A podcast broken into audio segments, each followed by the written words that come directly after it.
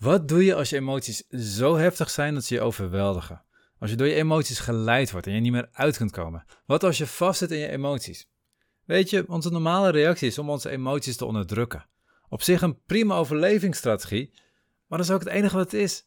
Het is een copingstijl die op korte termijn even wat ruimte geeft, maar op de lange termijn ga je alleen maar meer vastzitten in stress, in nog heftige emoties en mogelijk zelfs woedeuitbarstingen, depressies. Hoe je gezond met emoties omgaat, ja, dat leer je in deze aflevering van de podcast Vrij Leven. Hey hallo, Bas van Pelt hier. In deze podcast wil ik samen met jou kijken hoe je vrij kunt leven. Los van stress en oude patronen. Hoe je de mooiste versie van jezelf wordt en jouw ideale leven creëert.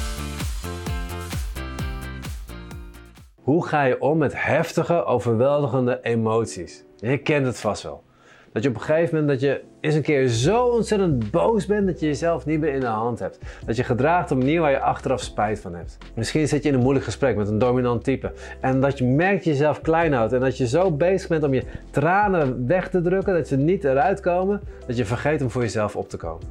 Herken je dat?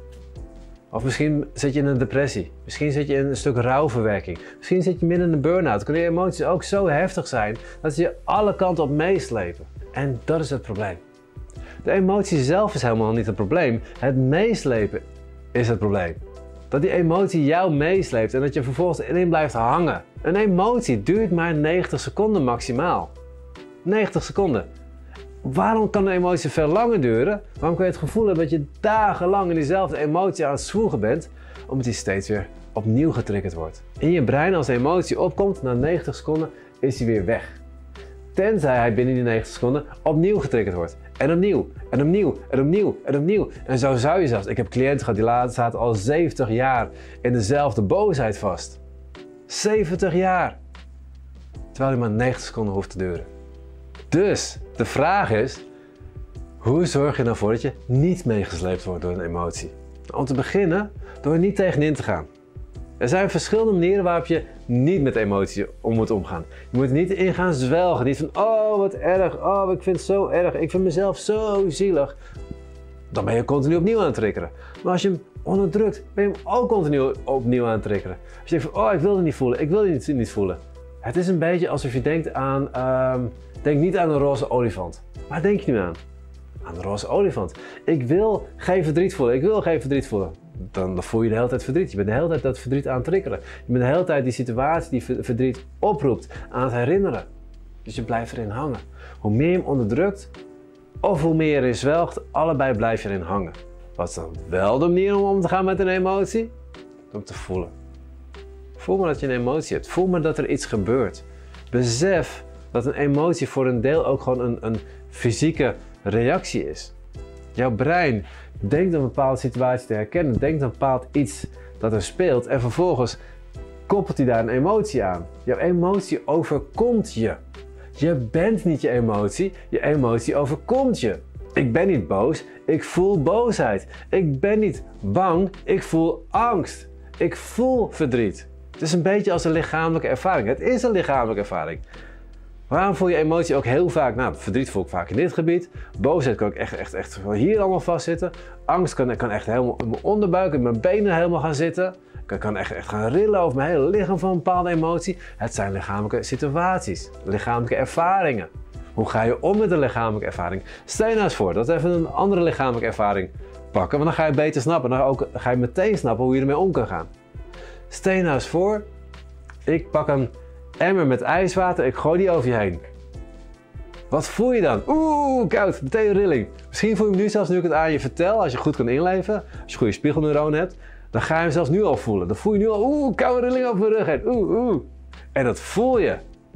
En dat is goed, want dat is ook een reactie hier, koude rilling. Zorgt ook voor dat je meer je spieren gaat bewegen en daardoor meer warmte gaat aanmaken. Dus het heeft ook een functie. Maar het is een lichamelijke ervaring. Ga je dan ook wel eens zitten en denken van, oh nee, ik wil, nog, ik wil geen koude rilling voelen, ik wil geen koude rilling voelen, ik moet die koude rilling tegenhouden. Dat doe je niet. Het werkt ook niet. Je gaat er ook niet in zwelgen.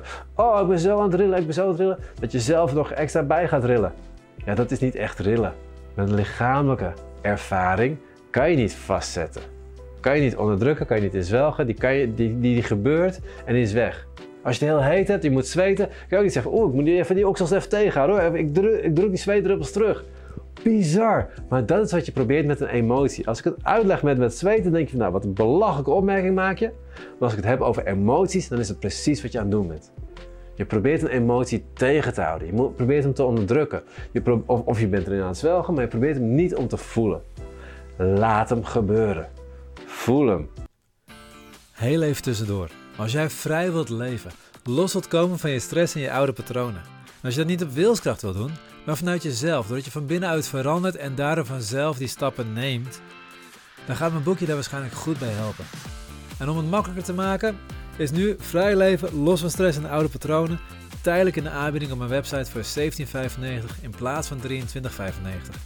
En binnen Nederland is de verzending gratis. Dus volg de link in de beschrijving bij deze aflevering of ga je direct naar azenmethode.nl schuine boekactie. Ik heb van mijn vader geleerd, die heeft van een hele goede reden vanuit zijn vader weer geleerd. Maar die heeft ervoor gezorgd dat mijn vader besloten heeft, ik ga niet boos zijn. Die heeft altijd zijn boosheid onderdrukt hij altijd. En op een gegeven moment kan hij niet meer onderdrukken en dan bam, dan knalt het eruit. Daar schrik je van als kind. Door die ervaringen heb ik geleerd, ik wil niet boos zijn, want dat is niet goed. Dan gaan andere mensen, ga ik pijn mee doen, dus ik mag niet boos zijn. Dus wat ben ik gaan doen vervolgens? Boosheid onderdrukken, onderdrukken, onderdrukken. En op een gegeven moment kan ik het niet meer onderdrukken en dan bam, dan knalt het eruit. En als ik kijk hoe ik ben begonnen met mijn kinderen op te voeden, op een gegeven moment was het te druk, was mijn werk druk en dan, kan, en ze luisteren niet en ze bleven niet luisteren. En bam, dan knalt het eruit. Man, dan heb je echt een emotie waar je achteraf denkt van, oh, waarom heb ik zo gereageerd? Dat wil ik helemaal niet. Omdat ik die emotie aan het onderdrukken was. Onderdrukken, onderdrukken, onderdrukken. En dan bam, dan knalt hij eruit. Dan, heb je, dan word ik volledig meegesleurd, zou ik willen zeggen zelfs, door die emotie. Het is alsof er een dam in de rivier staat en er zit zoveel water opgebouwd. Op een gegeven moment die dam doorbreekt en heb je die hele golf over je heen. Zo heftig voelde dat voor me. En zo moeilijk was het voor mij om dan nog normaal te kunnen functioneren. Dan, dan, dan was ik boos. Dan voelde ik niet boos. Nee, dan was ik boos. Tot ik op een gegeven moment in mijn eigen therapie-sessies met mijn eigen leraar geleerd om die emoties gewoon te voelen, toe te staan. En nu zijn er nog steeds momenten dat het me niet lukt. Ik ben niet perfect, absoluut niet. Maar er zijn heel veel momenten overgrote meerderheid van momenten, dat ik echt dat ik dat dan merk. Dat ik druk in mijn werk en zit ik niet, niet lekker in veel stress.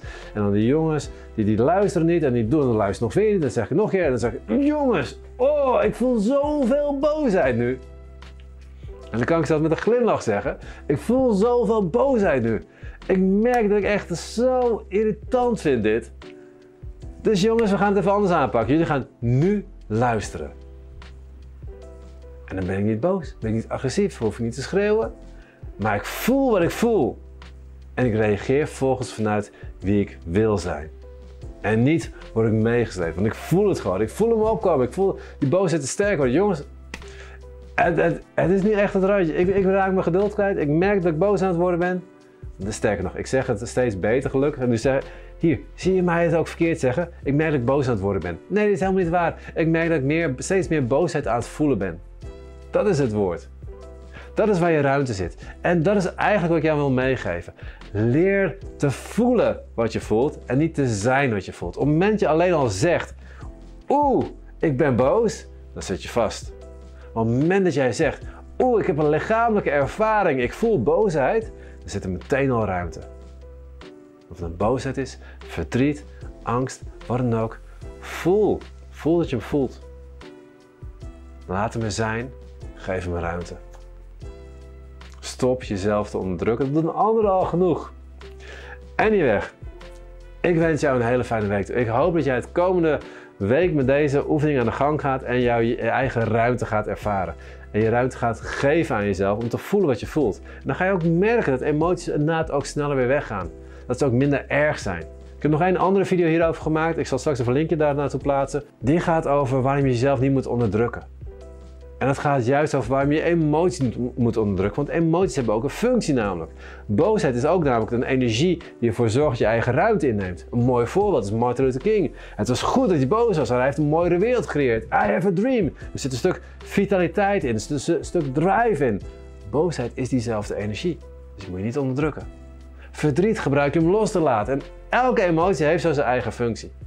Ik, ik, ik raad je aan om deze video ook nog even te kijken. Ik zal hem hieronder even plaatsen. Stop jezelf te onderdrukken. Super waardevol. Als je daar een slag van ruimte maakt voor jezelf, ga je merken dat je nog relaxter in het leven staat en nog meer jouw mooiste zelf kan zijn.